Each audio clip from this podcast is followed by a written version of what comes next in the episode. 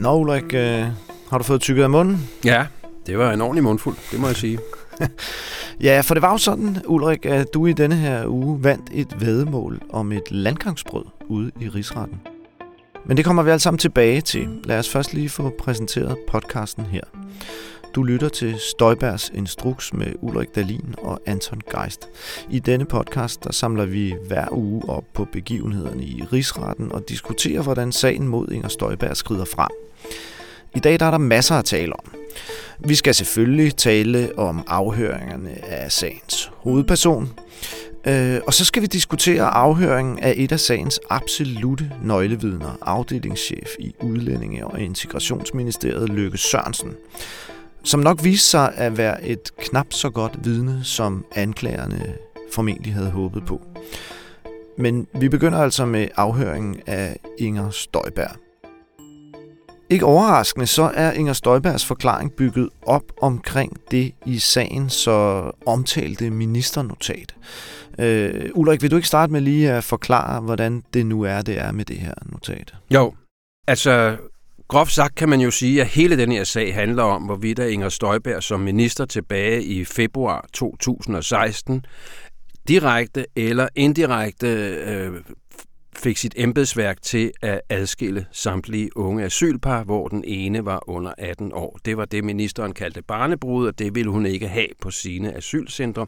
Hun opfattede sig som lidt som en efterskoleforstander for de her unge piger. Øh, I det her notat, den 9. februar 2016 godkender ministeren notatet. Og det opsigtsvækkende her er, at det faktisk åbner for, at der kan være par, som ikke skal adskilles.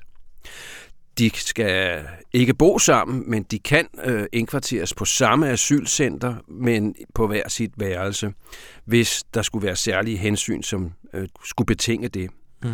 Og det står lidt i modsætning, eller det står sådan set meget i modsætning til den pressemeddelelse, som ministeren øh, udsendte dagen efter den 10. februar, hvor beskeden jo netop er det modsatte, nemlig at samtlige unge asylpar skulle adskilles og indkvarteres på hver sit center. Ja, og groft sagt kan man jo sige, at denne her undtagelsesfri, kategoriske adskillelse af alle asylpar, den vil være ulovlig, mens en ordning med mulighed for undtagelser kunne være lovlig. Ja, det er sådan set den vippe, der står og, og, og balancerer der.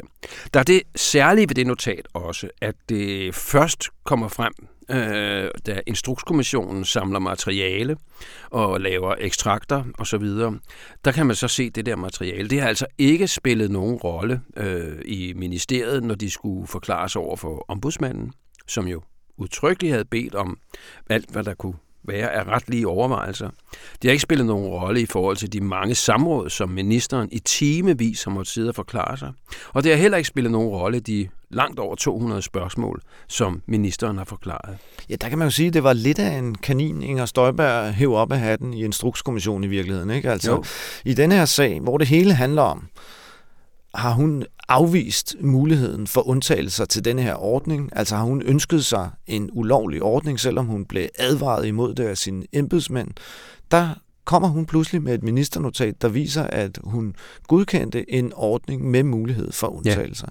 Ja. Øh, og det er jo altså en meget underlig omstændighed, at øh, hun aldrig tidligere har nævnt det her notat, fordi i Instrukskommissionen, der betegnede hun det som helt, helt centralt. Ja, det samme gjorde hun jo i rigsretten. Ja, ja. Øh, der sagde hun, at den var omdrejnings, eller notatet var omdrejningspunktet for hele sagen, og det havde været udgangspunkt for øh, samtlige taler og spørgsmål osv., øh, det her notat.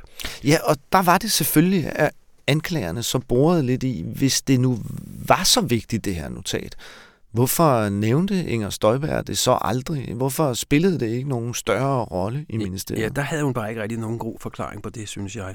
Altså, det var som om hun ved udenom ja. at svare. Altså, hun havde den hovedforklaring, kunne man sige, at når hun havde godkendt det, så måtte det være op til embedsværket at sørge for resten. Ja. Og så var det ligesom ude af hendes tanker og sind. Men det står jo lidt i modsætning til, at det skulle være omdrejningspunktet ja. for alt. Jeg er enig med dig i, at hun ikke kom med nogen rigtig god forklaring. Altså, jeg ved ikke, om man kunne tillægge hende den forklaring. Jeg tænkte, at det var måske lidt det, hun mente, at det, det var så grundlæggende for hende, at det var en helt sådan implicit underforstået forudsætning for alt, hvad der foregik, og hun derfor ikke rigtig så nogen øh, grund til at nævne det. Sådan øh, kunne man hjælpe hende lidt på vej, men, men det er sådan set rigtigt, at det sagde hun faktisk ikke rigtigt i rigsretten. Hun, kom, hun kom ikke med nogen, nogen rigtig, øh, rigtig god forklaring på det. Men det ændrer jo ikke på, at øh, hun altså har dokumentation for, at hun i ministeriets elektroniske sagsbehandlingssystem via sin ministersekretær godkendte det her notat. Ja. Og det er jo et stærkt ja. kort for hende. Ja. Og som sagt er hele hendes øh, forklaring øh, bygget op omkring det. Øhm, der er en omstændighed ved notatet, som øh, forsvarende lagde meget vægt på i deres forelæggelse, og som Inger Støjberg også sørgede for at nævne rigtig mange gange i mm. løbet af afhøringen af hende. Og det er, at Ja, det her notat fremgår det, at flertallet af parerne, de skal adskilles på hver deres asylcenter. Men så kan der være undtagelser af hensyn til internationale konventioner, og i de tilfælde, der skal parerne have lov at bo på samme asylcenter, men de skal bo på forskellige værelser. Og det vil altså sige, at alle parerne på den ene eller den anden måde, ifølge det her notat, skal adskilles. Der har man så senere fundet ud af, og det fandt man ud af i ministeriet øh, i samråd med Justitsministeriet, men først senere, at øh, også den praksis vil formentlig ikke være lovlig. Men det ændrer jo ikke på, at Støjberg blev præsenteret for øh, de her muligheder og måtte antage, at de var lovlige. Øh, og det grunden til, formentlig, at forsvareren og Støjberg lægger så meget vægt på den her omstændighed ved notatet, det er jo, at det kan bruges til at forklare mange af de tilfælde, hvor Inger Støjberg, hun i tiden efter øh, den her instruks, udtalte, at alle par skulle adskilles. Det har hun jo øh, i mange tilfælde måtte beklage senere, men i virkeligheden kan hun ud fra det her notat sige, at, øh, at det var jo det, der stod i notatet. De skulle alle sammen adskilles på den ene eller anden måde. Men der er et sted, hvor den her forklaring, den ikke rigtig dur, og det er i forhold til den i sagen så omtalte pressemeddelelse. Vil du øh, tage den videre herfra, Ole? Ja, altså fordi pressemeddelelsen bliver udsendt cirka et døgn efter, at ministerens sekretær på ministerens vegne har godkendt notatet. Øh, og der har været noget armlægning i ministeriet mellem ministeren og hendes særlige rådgiver Mark Thorsen på den ene side, og så embedsværket med Uffe Tordal Petersen, den daværende departementschef, og en afdelingschef, Lykke Sørensen, på den anden side. Og øh, det, som omlægningen går ud på her, det er, om der i den pressemeddelelse, som ministeren ønsker at udsende så hurtigt som muligt, fordi der er meget politisk opmærksomhed omkring det her spørgsmål om de unge asylpar, skal der der være en øh, beskrivelse af hele ordningen, eller skal man kun tage en del af ordningen? Og der har ministeren øh, efter sin forklaring selv taget en sætning eller to ud af pressemeddelelsen, som omtalte muligheden for undtagelser. Og det vil sige, at den tekst, der egentlig er i pressemeddelelsen, den udelukker enhver form for undtagelse. Den siger udtrykkeligt, at samtlige unge asylpar skal adskilles og indkvarteres på hver sit asylcenter. Ja, og den siger, at ingen må blive sammen, heller ikke par med børn. Nej.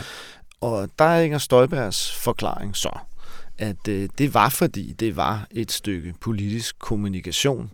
Det var skarpt skåret, det var ikke et juridisk dokument, og derfor nøjedes man med at gøre red for hovedreglen, altså at de fleste par skulle adskilles i denne her pressemeddelelse. Hendes problem er så bare, som du siger, Ulrik, at øh, hun nåede ikke med at gøre redde for, at nu vil man til at adskille par. Hun skrev også, at der ikke var nogen, der måtte blive sammen. Og det vil altså sige, at hun udelukkede muligheden ja. for undtagelser. Og det var ikke i overensstemmelse med notatet. Øhm, hun kom med en analogi. Øh, ja, det, som er, den er blevet, du meget glad for. Den er blevet lidt en, en kæphest for mig, ja. Øh, fordi jeg synes, øh, at det er vigtigt at få sagt, at den analogi er simpelthen ikke retvisende. Hun, øh, hun kom også med den i Instrukskommissionen. Hun sagde, at øh, hvis en trafikminister vil indføre en hastighedsgrænse på 130 på motorvejen, så vil trafikministeren jo heller ikke skrive i en pressemeddelelse, at fremover, der skal man, eller må man køre 130 på motorvejen, men ved vejarbejde, der skal man køre langsommere. Der vil man jo bare gøre redde for hovedreglen, og så vil det være underforstået, at der kunne være undtagelser. Problemet er bare, øh, at hun jo i sin pressemeddelelse udelukkede muligheden for undtagelser. Så hvis analogien skulle være præcis, så ville trafikministeren jo skulle have udsendt en pressemeddelelse, hvor der stod, at fremover der må man køre 130 km i timen på motorvejen, og heller ikke når der er vejarbejde, behøver man køre langsommere end 130 km i timen på motorvejen. Og det illustrerer jo i virkeligheden meget godt, hvad problemet faktisk var ved Inger Støjbergs pressemeddelelse. Øhm, men nok om den analogi, som rigtig nok er blevet lidt en kæphest for mig. Ulrik, lad os gå videre til en af dine kæpheste. Nemlig det her med, at anklagerne de forsøgte at vise, at Inger Støjberg at hun ikke holdt særlig godt øje med, hvad der faktisk skete med de piger, der blev adskilt i tiden efter denne her instruks. Ja, øh, det var sådan, Ja, efterhånden som operatørerne, det vil sige Dansk Røde Kors og flere forskellige kommuner, da, når de gik i gang med, som de havde fået besked på at adskille parerne, så var der meget gråd og tænders gnissel og selvskade og selvmordsforsøg og manglende appetit og manglende søvn øh, hos, de her, eller hos en del af de her unge piger. Og øh, operatørerne indberettede jo det til Udlændingsstyrelsen, øh, som så øh, øh, indberettede det videre, for eksempel i tilfælde af et selvmordsforsøg til ministeriet. Og øh, jeg tror, at øh, Inger Støjberg øh, altså står med det problem, at hun på den ene side siger, at hun er så optaget af de her unge pigers skæbne. På den anden side er der ikke noget som helst spor af, at de her indberetninger om alt den her ulykke har gjort noget som helst indtryk på ministeren, eller fået hende til ligesom at spørge nærmere ind til sit system, hvad er det egentlig, der sker? og så videre.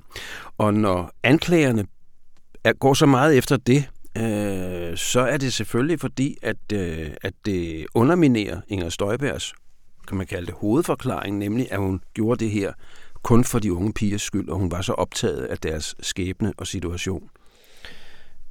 Ja, og der øh, bruger de blandt andet i, øh, hvad der ellers kunne være af årsager til, at øh, Inger Støjberg hun vil adskille ja. de her øh, par. Og øh, der fremhævede de et øh, dokument, som vi også tidligere har interesseret os en del for. Og det er et dokument tilbage fra januar 2017, udfærdiget af en afdelingschef, der hedder Line Skyttemørk Hansen, der sendte det rundt i en intern fortrolig mail i Udlændinge- og Integrationsministeriet. Øh, og det var et referat fra et såkaldt ordførermøde blandt øh, de borgerlige ordfører. Sådan nogle møder holdt Inger Støjberg på ugenlig basis. Om tirsdagen, så vidt jeg husker. Ja, det er, er, er sikkert rigtigt. Øhm, dengang der var øh, den hårde udlændingepolitik jo øh, et definerende projekt for den regering, Inger Støjberg var en øh, meget central minister i. Så det er ikke så mærkeligt, at øh, man havde de her regelmæssige møder. Og Line Skyttemark Hansen, hun havde altså skrevet et referat fra et af møderne. Og øh, punkt 2 i mailen, øh, den havde overskriften, øh, eller det havde overskriften barnebrud. Og under det punkt, der stod der blandt andet, og nu citerer jeg, først stod der M, og det er sådan embedsmands jargon for ministeren. Og ud fra M stod der, Siden drøftelsen af barnebrud er der ikke kommet nye par, så det betyder noget, at drøftelsen har været der. Og efterfølgende så stod der FOB-kritik, og det FOB det er en forkortelse for Folketingets ombudsmand. Så kritik for ombudsmanden om, at hun er gået for langt, er kærkommet, stod der også. Øhm, og det er jo vanskeligt at forstå på anden måde, end at hele denne her diskussion om barnebrude og den forventelige kritik, der ville komme fra ombudsmanden af den praksis, man havde indledt, at det alt sammen øh, blev betragtet som en god ting af Inger Støjberg, fordi det kunne bidrage til at afskrække andre par fra at komme til Danmark. Det er ja. en ret nærliggende fortolkning, for det var jo... Og øh, underbygge hendes image som hardliner, ikke? Ja, præcis. Som udlændingepolitisk hardliner, altså at det, hun havde gang i her, og det forhold, at hun stod til at få ret kraftig kritik, det var de godt klar over på det her tidspunkt i ministeriet fra ombudsmanden. Øh, det var simpelthen en positiv omstændighed for hende. Blandt andet fordi det kunne bruges til at øh, holde øh, asylansøgere fra at komme mod Danmark, når de nu hørte om denne her sag, hvordan de ville blive adskilt fra deres ægtefæller. Øh, og det er jo i virkeligheden noget, der sker ganske kort efter en lidt lignende sag. Øh, nemlig den sag, der handlede om, at Inger Støjberg havde indrykket øh, nogle annoncer i libanesiske aviser, hvor hun beskrev øh, de meget stramme danske udlændingeregler med mm. det øh, erklærede formål at få folk til at forstå, at det ikke kan mening at rejse til Danmark. Og det fik hun faktisk også kritik af ombudsmanden for, fordi han mente, at hendes beskrivelser af reglerne øh, var vildledende, fordi ja. at, øh, helt så, så slemt var det ikke at komme til Danmark, som det var beskrevet i de regler der. Og dengang erklærede hun sig uenig i ombudsmandens kritik ja. i forbindelse med annoncerne. Ja, og måske en lille ekskurs er jo her, øh, at øh, det er jo helt fuldstændig usædvanligt. Altså det gør man normalt ikke hos myndigheder, når ombudsmanden kommer med en kritik. Og det betød faktisk, at ombudsmanden sådan behind the scenes holdt et møde øh, med statsministeriets departementschef i tiden op til, at han skulle udtale kritik i denne her sag om mm. adskillelse af asylpar, fordi han ville gerne sikre sig, at det ikke skete igen, at ministeren gik ud og erklærede sig uenig, hvilket jo er ret uhørt. Og det er også en af grundene til, at det her øh, forløb er rimelig veldokumenteret, fordi at øh, statsministeriet udfærdede et notat, som også indgår i instruks kommissionens beretninger, som vi af den grund kender. Men nu må vi hellere tilbage til hovedsagen. Ja. Øh, anklagernes pointe var jo altså her i virkeligheden, var formålet måske ikke så meget at hjælpe de unge piger, øh, var det snarere at øh, afholde øh, andre asylansøgere fra at søge mod Danmark, og at profilere Inger Støjberg som en sådan udlændingepolitisk øh, hardliner. Og der er det jo bemærkelsesværdigt, at i rigsretten var hun lidt mere tillukket omkring det her, end hun egentlig var i Instrukskommissionen. Ja, det er du I Instrukskommissionen gik hun jo sådan set ind på præmissen og sagde, jo, men det kan man jo ikke undgå, og al udlændingepolitik har forskellige elementer i sig, deriblandt også, at der ikke skal komme så mange af den slags. Hvorimod i rigsretten, altså der var hun mere sådan afvisende, og det kunne hun ikke lige se. Hun kaldte det for et upræcist og et løst referat, og det kunne hun ikke rigtig genkende for løbet og den slags. Det er rigtigt. Så det lagde hun altså markant mere afstand til i rigsretten, end hun tidligere har gjort i Instrukskommissionen det er rigtigt. Øh, men lad os øh, gå videre til et øh, beslægtet punkt, øh, nemlig den henvendelse, der på et tidspunkt kom fra Institut for Menneskerettigheder til Inger Støjberg og hendes ministerium. Vil du fortælle om ja, det, Ulrik? altså nu skal man lige have den baggrundsviden med sig, at Institut for Menneskerettigheder er oprettet for at rådgive regering og folketing om menneskerettighedsspørgsmål. Og i foråret 16, øh, så udsendte øh, Institut for Menneskerettigheder, eller det er ikke de udsendte, de sendte et brev til ministeriet, hvor i de udtrykte stor bekymring over den øh, håndtering, som øh, foregik i Udlændingestyrelsen om adskillelsen af de unge par. Og det var især spørgsmålet om, hvorvidt der forud for adskillelsen blev foretaget en individuel vurdering af hvert par. Det tilsiger forvaltningsretlige grundsætninger, at det skal man gøre. Man kan ikke bare tage en masse forskellige mennesker i forskellige situationer og så behandle dem på akkurat samme måde. Man skal gå ind i hver enkelt pars situation og vurdere, skal der ske adskillelse, skal der ikke ske adskillelse, hvad taler for, hvad taler imod. Og det var altså denne her bekymring, som øh, Institut for Menneskerettigheder, i øvrigt på linje med Røde Kors, øh, øh, sendte ind til øh, departementet. Og der er det jo interessant at høre Inger Støjberg sige, at øh, sådan en henvendelse fra Institut for Menneskerettigheder, den fyldte altså ikke ret meget i ministeriet. Det lød ikke på hende som om, at det var noget, de sådan for alvor tillagde nogen som helst betydning. De det skulle selvfølgelig faktisk eksplicit, ikke? At, jo, at de, de skulle selvfølgelig svare på den og den slags der, ikke? men det var ikke sådan, at det og det kan man jo godt undre sig lidt over. Det var ikke sådan, at det ifølge hendes forklaring overhovedet gav anledning til, at man tænkte sig om en ekstra gang eller man undersøgte, ja, når du siger, Ulrik, at hvad, man kan... hvad sker der egentlig med parerne? Altså spurgte, at ministeren spurgte specifikt til Udlændingestyrelsen, der er denne her kritik, hvad, giv mig en forklaring på, hvad I gør, og den slags. Ja. Det kunne hun jo sagtens have gjort på de indre linjer. Ja, og særligt hvis hun var så optaget ja. af de her pars øh, velbefindende, som øh, hun altså siger, hun var. Øh, men nu må vi hellere så komme videre til afhøringen af Lykke Sørensen, afdelingschefen fra Udlændinge- og Integrationsministeriet. Øh, vi skal bare lige først vende en enkelt ting, som hænger sammen med det her vedemål, Ulrik, som vi lige kom omkring i begyndelsen af podcasten ja, her. Tandstikkeren fremme så. Det vedemål, det handler om Inger Støjbergs ønske om at indkalde den islamkritiske debattør og forfatter Ayan Hirsi Ali, øh, og det afsagde rigsretten en kendelse om. Vil du ikke lige fortælle, Ulrik? Det er jo dit vedmål og, og din triumf. ja, uh, altså uh, fra Inger Støjbergs forsvars side havde man sagt, at, øh, at øh, Ayaan Hirsi Ali var en stor inspirationskilde for Inger Støjberg. Æh, hendes bog fra 2010 altså i høj grad havde givet Støjberg en indsigt i, hvordan at øh, kvindeundertrykkelsen og kulturel tvang osv. finder sted i mange muslimske ægteskaber, og hvorfor der er barnebrud. Og derfor ønskede Inger Støjberg og hendes forsvar altså at føre Ayan Hirsi Ali som vidne øh, for, at, øh, at man kunne om man så sige, oplyse rigsretten om, hvordan det hænger sammen med de her barnebrude. Øh, anklagerne øh, afviste, øh, at, det skulle, at det kunne have nogen relevans, altså ud fra den enkle argumentation, at øh, Ayan Hirsi Ali altså ikke var i nærheden af processen her, og derfor ikke havde en viden, der kunne bidrage til oplysning af det forløb, som øh, rigsretten skal undersøge. Og ikke overraskende øh, gav øh, 25 af 26 rigsretsdommere øh, anklagerne medhold i det her synspunkt. Det var så også det, som jeg havde øh, øh, ment, eller spået ville være det sandsynlige udfald, og det var så vores kollega fra Weekendavisen, Søren Villemos, som måske nok lidt presset, blev mest til at indtage det modsatte synspunkt. Ja, og jeg synes, vi retfærdigvis skylder Søren at sige, at øh, mere end han måske egentlig troede på det, så ja. øh, vædede han nok på det for vedmålets skyld. Ja. Og håbede måske også lidt for underholdningens skyld på, ja. at hun ville blive indkaldt, ja. for det ville da bestemt have kastet lidt øh, kulør over en ja. ellers nogle gange lidt øh, kedelig rigsret. Ja. Og det vi ved om, det var så som sagt det her landgangsbrød, som jeg onsdag til frokost forteret med meget stor lyst. Det må man sige. Ja.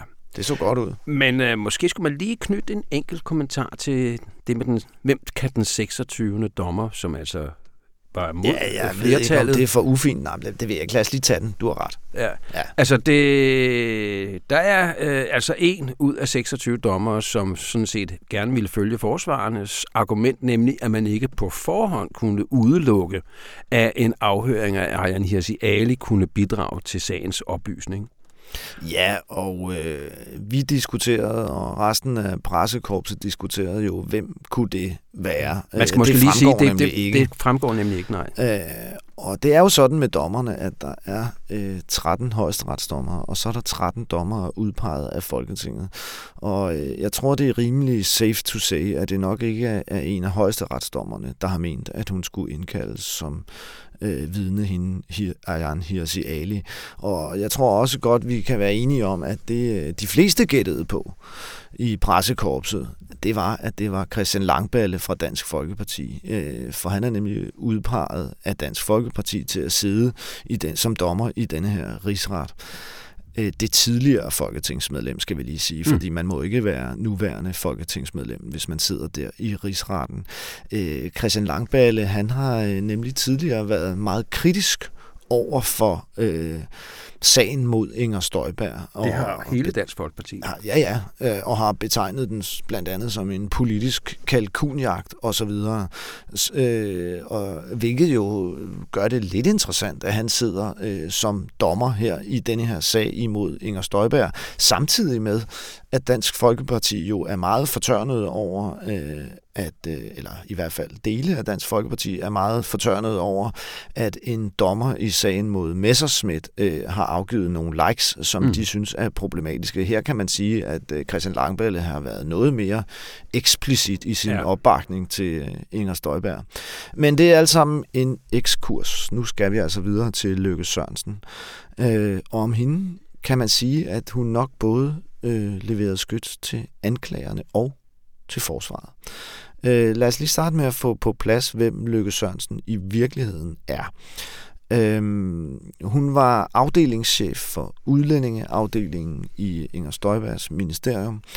Og, øh, hun er jurist, karriereembedsmand, har cyklet rundt i forskellige øh, ministerier og styrelser øh, den her udlændingeafdeling, det er ligesom sådan øh, den juridiske afdeling i Udlænding- og Integrationsministeriet. For øvrigt en større afdeling, ja. end jeg lige var klar over. Det var jeg også lidt overrasket over. Ja, ikke? Der jo. var 200 medarbejdere i den ja. afdeling. Det er godt nok en stor, ja. en stor, et stort maskineri. Men ikke? man skal også betænke, at der var mange sager, der var mange lovforslag, der var mange bekendtgørelser osv. Så det er du ret i. Det er jo et resultat af, at det er et område, hvor der bliver produceret ekstremt meget lovgivning ja. og cirkulære osv. Og plus, at der på det tidspunkt jo faktisk kom altså en hel del flygtninge, især fra Syrien. Det må man sige. Men altså, Lykke Sørensen øh, er altså ligesom den øverste juridiske chef i ministeriet, lige under departementchef Uffe Tordal Petersen. Og øh, hun må siges at være lidt af et nøglevidne for anklagerne. Øh, det er hun blandt andet, fordi hun fuldstændig afviser betydningen af det notat, som vi talte om før.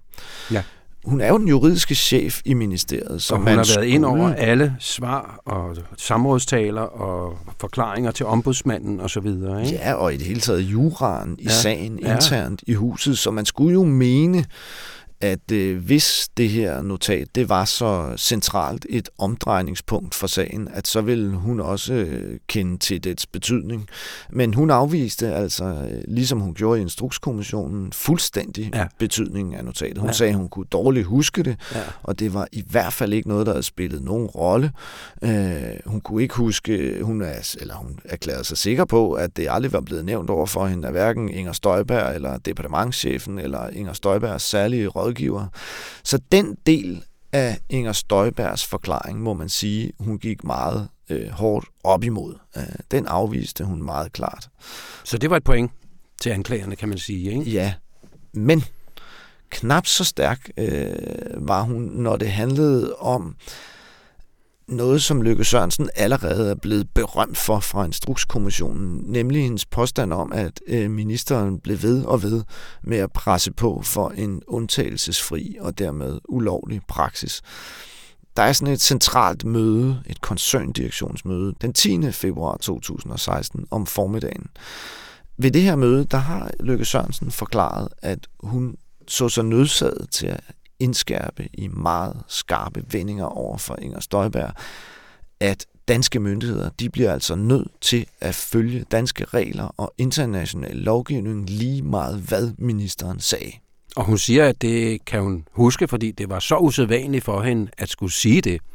Og endda ikke bare altså på tomandshånd, men over for alle øverste chefer i Inger Støjbergs system men på det her selvom hun kunne huske lige præcis det rigtig godt, så kunne hun ikke huske ret meget andet fra det møde. Nej, hvad der ligesom havde foranledet, at hun skulle komme med så markant og kraftig en udtalelse. Hun ja, var... fordi der skulle man jo tro, øh, der vil jeg mene, hun er blevet... Øh, øh, tillagt den forklaring i hvert fald, at når hun så sig nødsaget til at sige det her, så var det fordi, at ministeren sad og pressede på og insisterede på en undtagelsesfri praksis. Og det er også øh, i høj grad det, hun øh, forklarede i Instrukskommissionen. Altså der sagde hun, at øh, ved det her møde, øh, der var Inger Støjberg mildest talt ikke tilfreds med udsigten til en ordning, der åbnede for, at der kunne gøres undtagelser. Ja, der var også en lille forhistorie, fordi øh, den 9., altså dagen forinden, der har hun øh, om aftenen en samtale med departementchefen Uffe Tordal Petersen, som oplyser hende om, at øh, hverken ministeren selv eller hendes særlige rådgiver Mark Thorsen ville gå med til, at der var en kattelem. Altså et andet ord for undtagelse. Så derfor så aftaler de to, at øh, inden af Løkke Sørensen skal til det her koncerndirektionsmøde om formiddagen, så skal hun lige gå forbi Justitsministeriets ekspert i menneskerettighedsspørgsmål, Nina Holst Christensen, og endnu en gang vinde sagen med hende.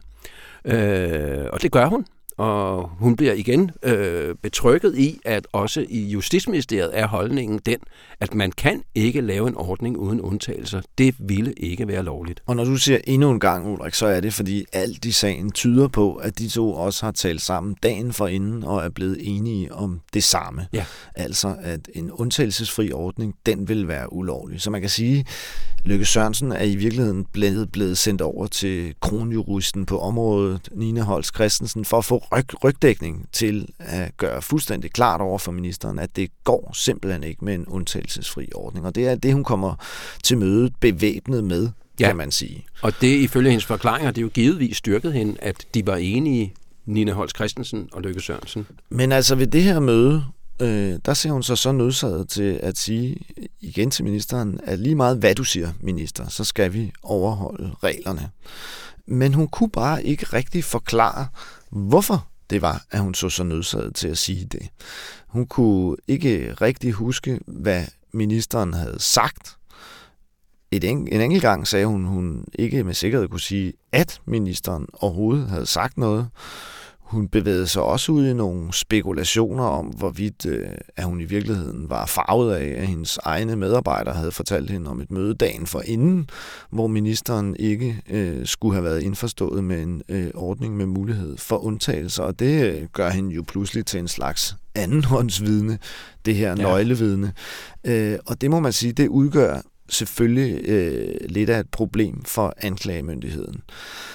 Jeg synes også alt i alt, at hun var lidt mere upræcis i rigsretten, end hun var det må man i Instrukskommissionen. Sige. Hun blev også flere gange forholdt af anklagerne, altså protokollen fra Instrukskommissionen, hvor hun ja. får sagt, at ja. ved det her møde, ja. der vil Inger Støjberg altså stadigvæk Men det ikke så acceptere en undtagelsesfri ordning. Ja, det vedstår hun så. Ja. Men det er alligevel en lidt skizofren position, hun indtager. Ja. Ikke? Fordi Men det, det vedstår forklaring så, på.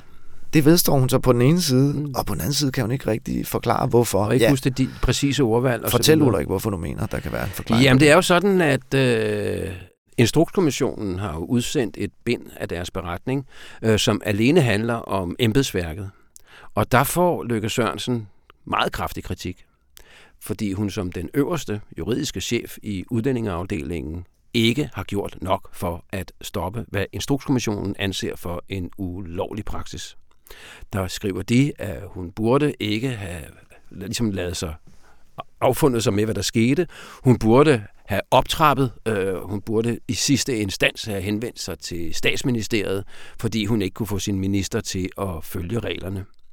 Og hun er jo i den situation, Lykke Sørensen, at når rigsretten engang er færdig, så kommer turen til embedsværket, hvor hun jo vil være en af dem, hvor hendes arbejdsgiver skal vurdere, om der er grundlag for at rejse en disciplinær sag. Og hun vil stå i et meget dårligt lys, hvis hun ligesom i rigsretten erkender, at hun var klar over, at der foregik en ulovlig praksis, uden at hun gjorde noget ved det. Så derfor er hun nødt til at lade som om, eller hvad man nu kan kalde det. Hun er nødt til at sige, at hendes indtryk var, at nu havde hun sagt det her, og så var alting for så vidt i den bedste gænge. I hvert fald et godt stykke tid, før det gik op for hende, at det var måske alligevel ikke tilfældet. Ja, altså som juridisk chef i ministeriet, der ville det selvfølgelig være lidt af et problem for hende, hvis hendes forklaring var, at Inger Støjberg blev ved og ved med at insistere på en undtagelsesfri ordning, og det endte med at være det, man så ja. øh, førte ud i livet. Ja. Den, er, den er ikke så god, hvis man står foran en disciplinær sag, og det skal man selvfølgelig alt sammen tage i betragtning. Jeg synes også, vi skylder at sige, at det kan jo også sagtens være, at øh, når hun forklarer, som hun gør, så er det fordi, at Inger Støjberg måske ikke var helt så entydig på det her møde, ja. øh, som kritikerne af Inger Støjberg kunne Eller som hun siger, at hun ikke rigtig erindrer det, og det er Præcis. fem år siden. Og... Så, så jeg vil sige, der er en mulighed ja, for, at Løkke Sørensens vidneudsagn er farvet af, at hun også skal tage hensyn til sin egen position. Men der er jo også en mulighed for, som du siger, Ulrik, at hun ikke kan huske det, eller at øh, det ikke har været så klart på det her møde, hvad Inger Støjbergs position situation var. Ja. Men det ændrer i hvert fald ikke på, at Løkke Sørensen nok ikke helt på det her punkt leverede det, som anklagerne har brug for til deres bevisførelse. Øh, og der var hun jo altså et nøglevidne, for det her er jo en sag, hvor der ikke er rigtig meget der er faktisk meget lidt dokumentation. Og jævnfør notatet, vi talte om, så øh, den dokumentation, der er, øh, bakker jo på en vis måde op om Inger Støjbergs forklaring. Ja, der er også rigtig, rigtig meget dokumentation, der peger den modsatte vej. Det er der også, det er ja. rigtigt. Ja. Øh, men den, jeg vil faktisk den, sige, at det der notat er sådan lidt en enlig svale. Det er rigtigt, men det er til gengæld øh, jo et notat, der handler specifikt om, ja. hvad ja. vil Inger Støjberg. Og det er den anden dokumentation ikke. Men, men, men. Øh, afhøringen af Lykke Sørensen, den er ikke færdig endnu. Øh, hun skal afhøres igen på mandag, og vi forsikrer om, at vi selvfølgelig nok skal fortælle mere om den afhøring i næste udgave af podcasten her. Du lyttede til Støjbergs Instruks, hvor Ulrik Dalin og jeg selv, Anton Geist, hver uge samler op på ugens begivenheder i rigsretssagen mod Inger Støjberg og diskuterer udviklingen. Du kan finde os i din foretrukne podcastafspiller. Podcasten er klippet sammen af Anne Pilegaard, Rasmus Bo Sørensen er redaktør. Vi høres ved i næste uge.